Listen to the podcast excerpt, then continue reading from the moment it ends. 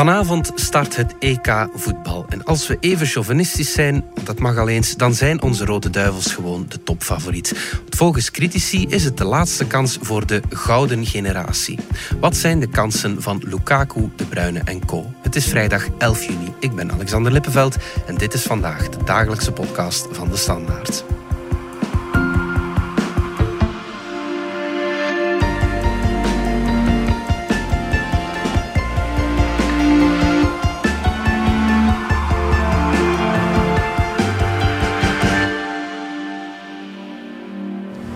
Giving everything for the past 125 years, sometimes coming this close from lifting that trophy. And recently, we all remember 2018.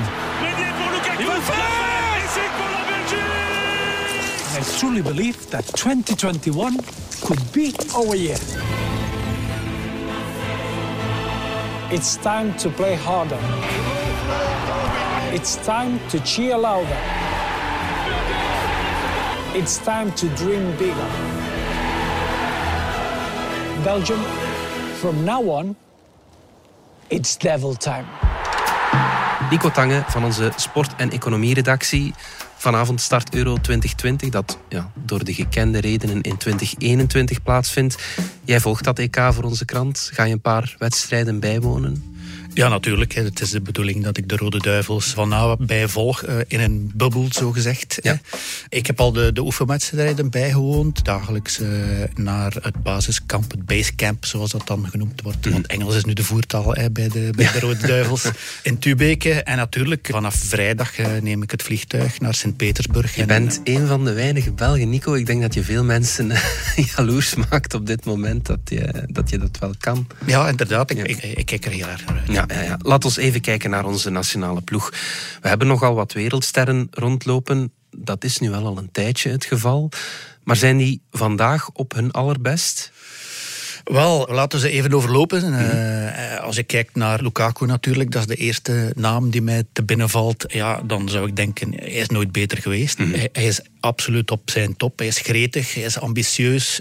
Hij was En- de en- man van de Serie A in en, Italië eh, ja, bij. Inter Milaan, maar natuurlijk eh, is hij topscorer geworden. Was hij een, een, een heel belangrijke schakel in de ploeg van Conte. Dus ja, eh, hij heeft zijn eerste prijs te pakken. Dat is ook al een, denk ik, mentaal voor hem een opluchting. Mhm. Maar hij wil duidelijk meer. Hè. En ik denk dat Lukaku misschien wel de belangrijkste schakel wordt voor Rode Duivels op het komende toernooi. Ja, ook bondscoach Roberto Martinez die vindt Lukaku van goud waarde. 60 goals for the international football. He's been the youngest player to achieve that feat. But for me, Romelu Lukaku is a different player in the last 10, 10 months. The maturity, the leadership, the understanding of what the game needs. I'm delighted that he's, he's in our team. Zolang hij fit kan blijven, zolang hij gezond kan blijven, ja, is dat de spits die, die elke ploeg in Europa en daarbuiten ons, ons benijdt. Eh, Dus dat is al zeker positief. Ja, Courtois, dat hebben we ook gezien eh, tegen Kroatië. Die staat er altijd. Daar kan je altijd op rekenen. En zelfs in de 91ste minuut als hij nog geen bal heeft moeten pakken. Dus dat zijn de twee zekerheden, denk ik, op, op, op dit moment. En, en dan heb je de twee twijfelgevallen. Ja. Laten we beginnen met Eden Hazard. Dat is volgens mij het grootste twijfelgeval. Die heeft inderdaad niet veel ritme kunnen opdoen de voorbije, Voorbije twee jaar ja, eigenlijk. voorbije twee jaar eigenlijk. Hij heeft moeten zoeken naar zijn plek eh, bij Real Madrid. Heeft natuurlijk heel veel last gehad van die enkelblessure, maar is nu toch langzaam aan het, eh, aan het herstellen. En hopelijk kan hij bij de Rode Duivels en in dit toernooi zijn spelvreugde terugvinden, want die heeft hij toch altijd gehad bij de Rode Duivels. Eden is, is Eden. Eden is, is someone that enjoys being on the football pitch and, and it's second nature for him. When he's on the pitch, everything is fine. And as it happens to all the footballers, uh, the hardest moments that a footballer has in his career is when you are injured and you cannot be doing what, you, what you're really good at. And I see Eden now happy, he's smiling. En Nico, dan is er nog Kevin De Bruyne. Natuurlijk, waar iedereen op gewacht had. De, de vierde wereldster die we eigenlijk hebben in ons team, dat is Kevin De Bruyne. Misschien wel ja, toch de grootste van de vier, naar, naar, naar mijn gevoel. Wel, op dit moment wel. Hè. Dus uh, Lukaku is nog komende, maar qua klasse natuurlijk uh, is Kevin De Bruyne de beste van de vier. Ook verkozen tot speler van de Premier League. Ja, uh, door zijn jaar. medespelers, ja. wat, wat volgens mij nog meer zegt dan dat het door ons journalisten en andere waarnemers is gedaan. Dat zijn de echte kenners. Mm -hmm. Hij staat daarmee op hetzelfde niveau van Thierry Henry en Cristiano Ronaldo. Maar daar is de vraag natuurlijk, ja, hoe is hij hersteld van zijn blessure? Van die kleine operatie die heeft ja. ondergaan. Want het was toch wel opvallend dat... Als een oogkas was ja, dat ja. na de Champions League Inderdaad. finale. Kevin is here. He's mentally really enthusiastic and excited about being part of the team. And we need to take every 24 hours with a, a real focus and making sure that we use it in, in his advantage and the team's advantage laten we hopen dat hij daar niet zoveel last van heeft. Maar bon, qua ritme, qua, uh, zou ik zeggen, qua vorm, moeten we ons geen zorgen maken. Hè, want net voor hij uitviel, zat hij eigenlijk in een supervorm. Ja. Hij gaat niet moeten terug ritme opdoen. Hij kan eigenlijk heel snel terug aanpikken bij, bij de groep. Dus mm-hmm. dan kunnen we toch besluiten dat drie van de vier van onze wereldsterren eigenlijk op dit moment toch goed tot uh, redelijk uh, goed voorstaan. Mm -hmm. En ja, wat Hazard betreft gaan we dan uh, moeten wachten tot verder in ja, toernooi. Ja, en laat ons ook eerlijk zijn, stel dat Hazard toch niet speelklaar is of toch nog niet op zijn absolute topniveau is, er staat wel nog iemand te popelen om op zijn plaats te gaan staan. En die is nu wel ook Spaans kampioen geworden. Hè? Yannick Absoluut, Carrasco, ja, je, je, je, mag de kwaliteiten van Yannick Carrasco zeker niet onderschatten. Hij is in vorm, hij is gretig. Dus dat is dan, denk ik, zoals Johan Cruijff altijd zei, elk nadeel heeft zijn voordeel. Voilà. Als Hazard niet speelt en Carrasco het, het, volledige toernooi fit en gezond kan blijven, dan gaan we daar uh, een beetje kwaliteitsverlies hebben. Maar dat, dat, is, dat is niet dramatisch nee, nee, uh, voor de ploeg. Mm -hmm, mm -hmm. Iemand waar nogal veel gezegd en geschreven over is, dat is Axel Witsel. Die is al een tijd lang geblesseerd. Um, heeft, ja, is amper tot speel, niet tot speelminuten gekomen in 2021 bij Dortmund. Ja, er zijn analisten die vinden dat hij eigenlijk niet zou moeten meegaan. Ja. Wat denk jij, Nico? Uh, ik vind het wel een moeilijke. Hè. Er is natuurlijk iets voor te zeggen. Het is een groot vraagteken als je na zes maanden uh, niet spelen, want het was ergens in januari dat zij zijn Achillespees had gescheurd. Mm als je na zes maanden niet spelen, dan plots op een groot toernooi, ik zeg maar iets, in de kwartfinale op topniveau moet presteren, ja, kan je dat dan? dan ja, fysiek zal dat waarschijnlijk niet gemakkelijk zijn. Nee.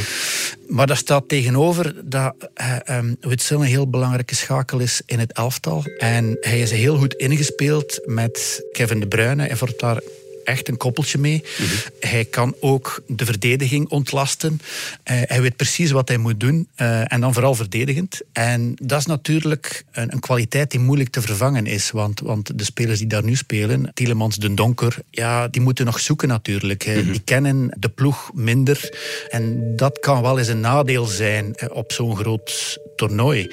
Uh, want je mag niet vergeten dat Roberto Martinez is een, een, een trainer die heel veel gebruik maakt van data. Mm -hmm. uh, ik heb hem al een paar keer geïnterviewd de voorbije jaren. En tijdens een van die interviews ging het net over het feit dat hij eigenlijk heel sterk kijkt naar de data van koppeltjes op het veld. Hij kijkt van hoe is de wisselwerking okay. tussen spelers. En ik denk dat ook hier het voorbije jaar, wanneer Witsel uh, weinig heeft gespeeld, het voorbije half jaar moet ik eigenlijk uh, zeggen, uh, heeft Martinez ook verschillende koppeltjes uitgeprobeerd op dat middenveld. En ja, dat was ook niet altijd lange succes. Dus die zoektocht naar, naar de juiste partnerships, zoals Martinez dat altijd heet. je moet er eens op letten, tijdens interviews gaat hij dat woord heel vaak gebruiken. -hmm.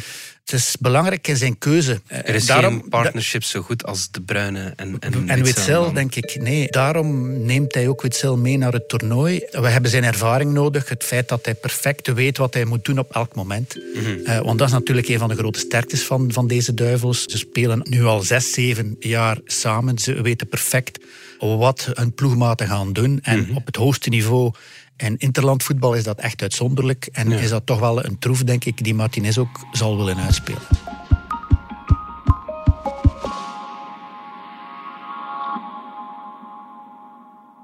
Marianne Justaart, jij komt er even bij zitten. De stem van onze podcastreeks Buitenbaan. Ja. Hoe loopt het?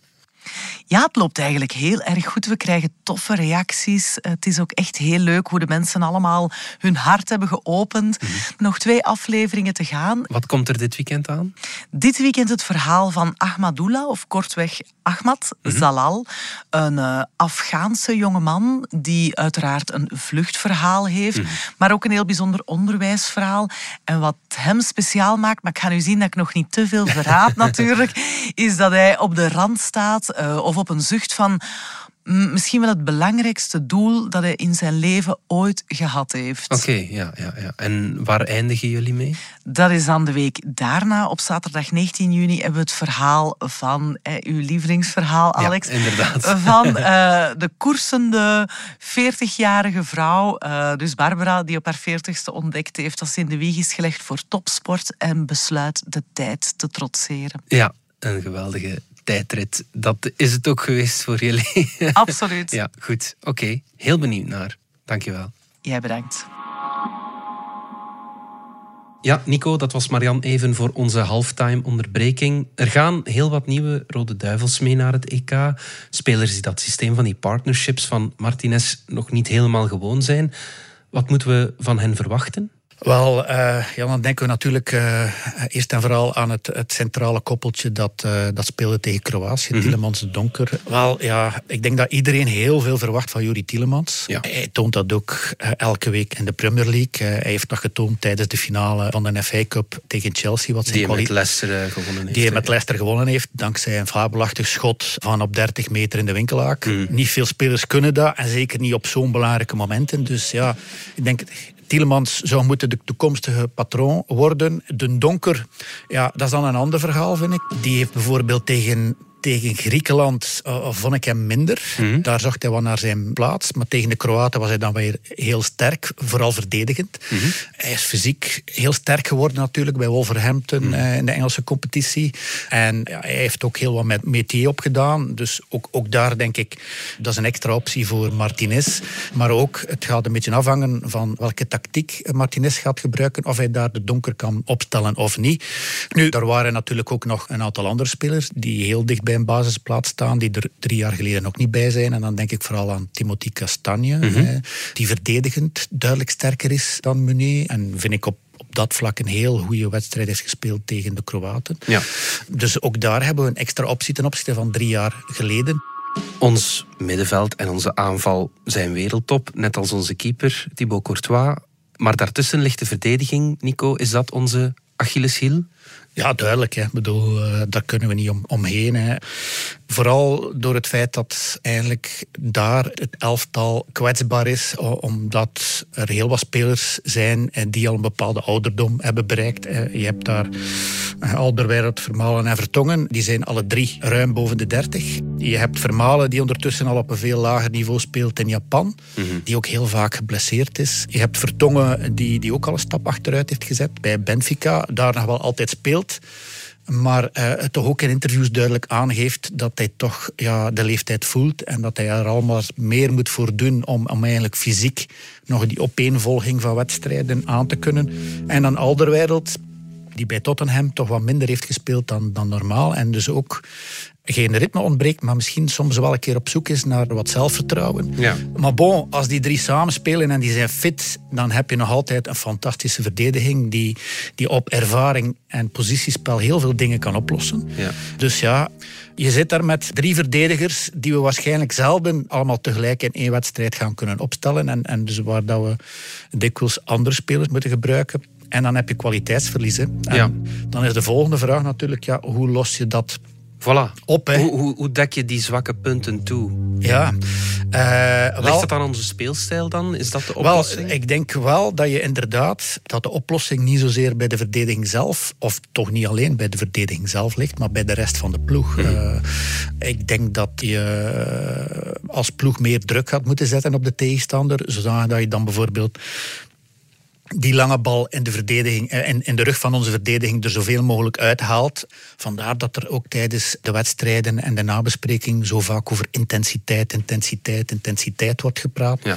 Als ook de spitsen en de, en de flankaanvallers de verdediging van de tegenstander opjagen, dan kunnen die ook minder makkelijk het middenveld aanspelen. Die kunnen zich dan ook minder makkelijk draaien en die steekbal geven. Dus zolang of dat je eigenlijk de druk op de tegenstander hoog houdt, ga je ook die verdediging ontlasten. Ja, ook Toby Alderweireld zelf denkt er zo over en hij is ervan overtuigd dat het team meer dan sterk genoeg is. En, en die ervaring hebben we wel om te weten van kijk, we moeten keihard werken om, om in, in, in punten en bepaalde uh, details beter te worden. Maar ik denk dat we in het verleden genoeg hebben laten zien dat we uh, fantastische verdediging hebben. En ik denk, een kracht van ons is de ploeg. Uh, tuurlijk, ik begrijp ook krijgt, krijgt de aanval alle, alle credits. Uh, dat is ook normaal. Hun hebben enorm veel kwaliteiten.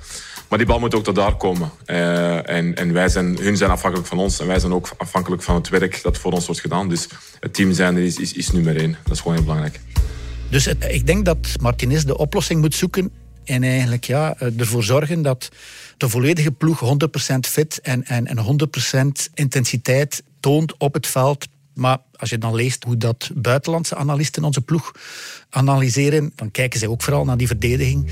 Maar dat is niet alleen de verdediging op zich. Ik denk een andere potentiële zwakte is ook de verdedigende zwakte van de wingbacks. Dus zoals ik al zei, je hebt aan de rechterkant gaan we moeten kiezen tussen Castagne en Meunier. Mm En aan de linkerkant zal het waarschijnlijk gaan tussen uh, Torgan Hazard. Ja. Chadli en eventueel Carrasco ook Hazard terugspelen die dan uh, een positie uh, terugzakt. Ja, ja, ja. Wel, aan de rechterkant hebben we wel Castagne die verdedigend wel uh, sterk is, duidelijk sterker dan Meunier. Dus die, daar denk ik heb je wel een verdedigende oplossing. Maar op links heb je, heb je dat niet dat echt. zijn aanvallende Ja, Chadli, Chadli is, is eigenlijk vooral een, een flankaanvaller altijd geweest. Dan heb je Torgan Hazard, die eigenlijk ook omgevormd is van een aanvallende middenvelder nog bij, bij Zulte Waregem ja. toen hij doorbrak naar, naar een aanvallende flankspeler. En de derde optie, Carrasco, is, is net hetzelfde. Aanvallend heel sterk, maar stel dat Carrasco daar tegen een hele snelle topspeler moet, moet spelen, tegen, bij de Fransen bijvoorbeeld, tegen Mbappé. Ja, ja, ja bedoel, ik, ik, moet het nog zien. Dus ook daar, denk ik, ligt potentieel een, een zwakte die Martinez vooral tactisch gaat moet proberen oplossen. En, en uh, het is heel duidelijk dat hij daar nu al mee bezig is met, met verschillende tactische systemen aan het bedenken om ja, dat, dat soort problemen uh, tegen heel sterke te kunnen oplossen. Ja, ja oké. Laten we even kijken naar onze tegenstanders. In onze groep komen we Denemarken, Finland en Rusland tegen. Laat we eerlijk zijn, Nico, dat is een makkie. Hè? Wel, laat ik het zo zeggen. Uh, je hebt gelijk als je bedoelt dat we ons daar zeker in die groep moeten plaatsen. we, zijn natuurlijk ook, winnen, en we, zijn natuurlijk, we zijn natuurlijk ook op, op papier sterker. Uh, zeker als ook een De Bruyne opnieuw kan spelen en er ook nog Hazard nog bij komt. Maar zelfs zonder hen moet het zeker mogelijk zijn om drie keer te winnen. Al mag je niet onderschatten, dat is het, de enige kleine waarschuwing, dat we wel drie keer uh, zogezegd op verplaatsing spelen. En vooral tegen Rusland en uh, Denemarken is het echt op verplaatsing. Hè. Ja. Uh, Zij spelen in hun eigen land. Ze spelen in hun eigen land. En we hebben bijvoorbeeld bij de Russen gezien dat ze dan altijd iets meer kunnen. Op het WK bijvoorbeeld hebben ze uh, er Spanje uitgeknikkerd. Je mag niet denken dat we die matchen ook al op voorhand hebben gewonnen. Ook al omdat er voor het eerst sinds lang publiek in de stadions zal zijn. Ik denk tot nu toe, maar dat kan nog veranderen natuurlijk, mm -hmm. hadden de Russen aangekondigd dat het stadion in Sint-Petersburg, het Kristovski-stadion, half gevuld zou zijn. Ja, dat is toch ook al meteen een andere sfeer, zeker ja. na een zo lange periode te spelen zonder publiek. Dus dat zal wel een impact hebben, maar normaal gezien ja, moeten we ons daar gewoon plaatsen. Uh, mm-hmm. Zeker als je weet dat niet alleen de eerste twee in de groep doorgaan, maar ook nog de beste vier derdes in de groep naar wie moeten we vooral kijken voor de titel dan? Wie zijn de topfavorieten? Wel, ja, ik, ik denk dat zowat elke waarnemer erover eens is dat, dat er eigenlijk één absolute topfavoriet is en dat is Frankrijk. Ja, ja. En dat heeft natuurlijk te maken met de enorme breedte van een kern. Mm -hmm. De boetade die altijd gebruikt wordt, is dat ze eigenlijk twee, of misschien zelfs bijna drie gelijkwaardige elftallen kunnen opstellen. Ja. En ja, vooral in deze COVID-tijden is dat heel belangrijk. Hè. We hebben nu uh, net al bericht gekregen uh, dat bij de Spanjaarden uh, het virus is uitgebroken. Dus ja, het zal je maar overkomen dat net voor de halve finale er een paar belangrijke spelers niet kunnen spelen omdat ze mm -hmm. positief testen. Wel, voor de Fransen is dat geen enkel probleem. Mm. Ze zetten gewoon daar vier evenwaardige spelers En denk ik, ze gaan weinig aan kwaliteit inboeten. Vooral omdat ze ook niet aanvallend spelen. Hè. Onder Deschamps spelen ze heel cynisch, heel verdedigend, Ja. heel resultaatgericht. En dan kan je die pionnetjes heel makkelijk vervangen. Alleen, denk ik, een Mbappé vervangen kan, kan Deschamps niet, maar bijna op eh, elke andere plaats hebben ze evenwaardige vervangers. En daar komt dan nog eens bij dat ook Benzema voor het eerst is opgeroepen. Ja. Hè. Dus, eh, Ook die, wel een van die sterkhouders van Real. ja, dus eh, de, de, de echte topspits die de Fransen tot nu toe misten, is er nu ook bij. En dan heb je denk ik daarnaast, zou ik zeggen, nog twee belangrijke schaduwfavorieten, en waarvan de Rode Duivels er zeker één zijn, en als nummer één op de, op de wereld. En daarnaast zou ik durven de Engelsen plaatsen, omdat Ja. de Engelsen eigenlijk, als je kijkt naar hun schema, bijna het volledige toernooi thuis kunnen spelen. Met publiek en dus eh, het thuisvoordeel. Eh, de volledige groepsfase.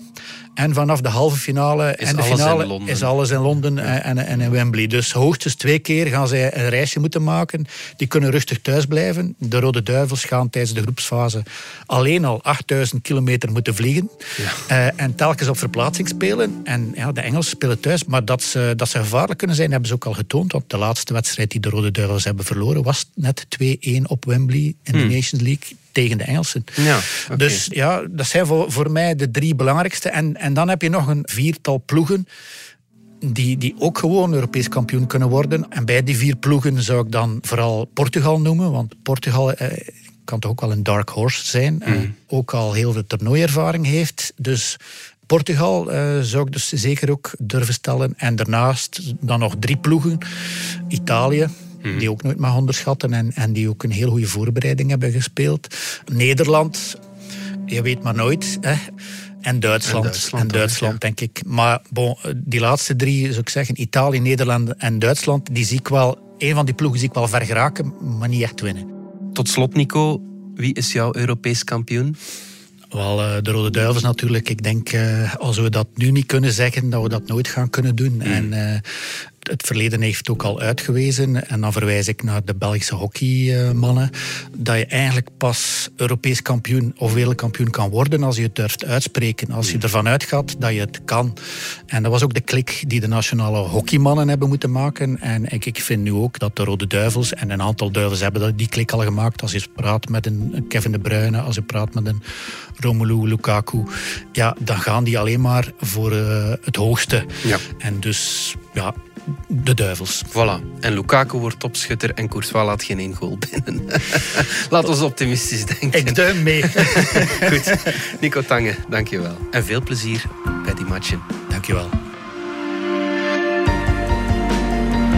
Dit was vandaag de dagelijkse podcast van De Standaard. Bedankt voor het luisteren. Reageren kan via podcast.standaard.be. Alle credits vind je op standaard.be-podcast. Maandag zijn we er opnieuw.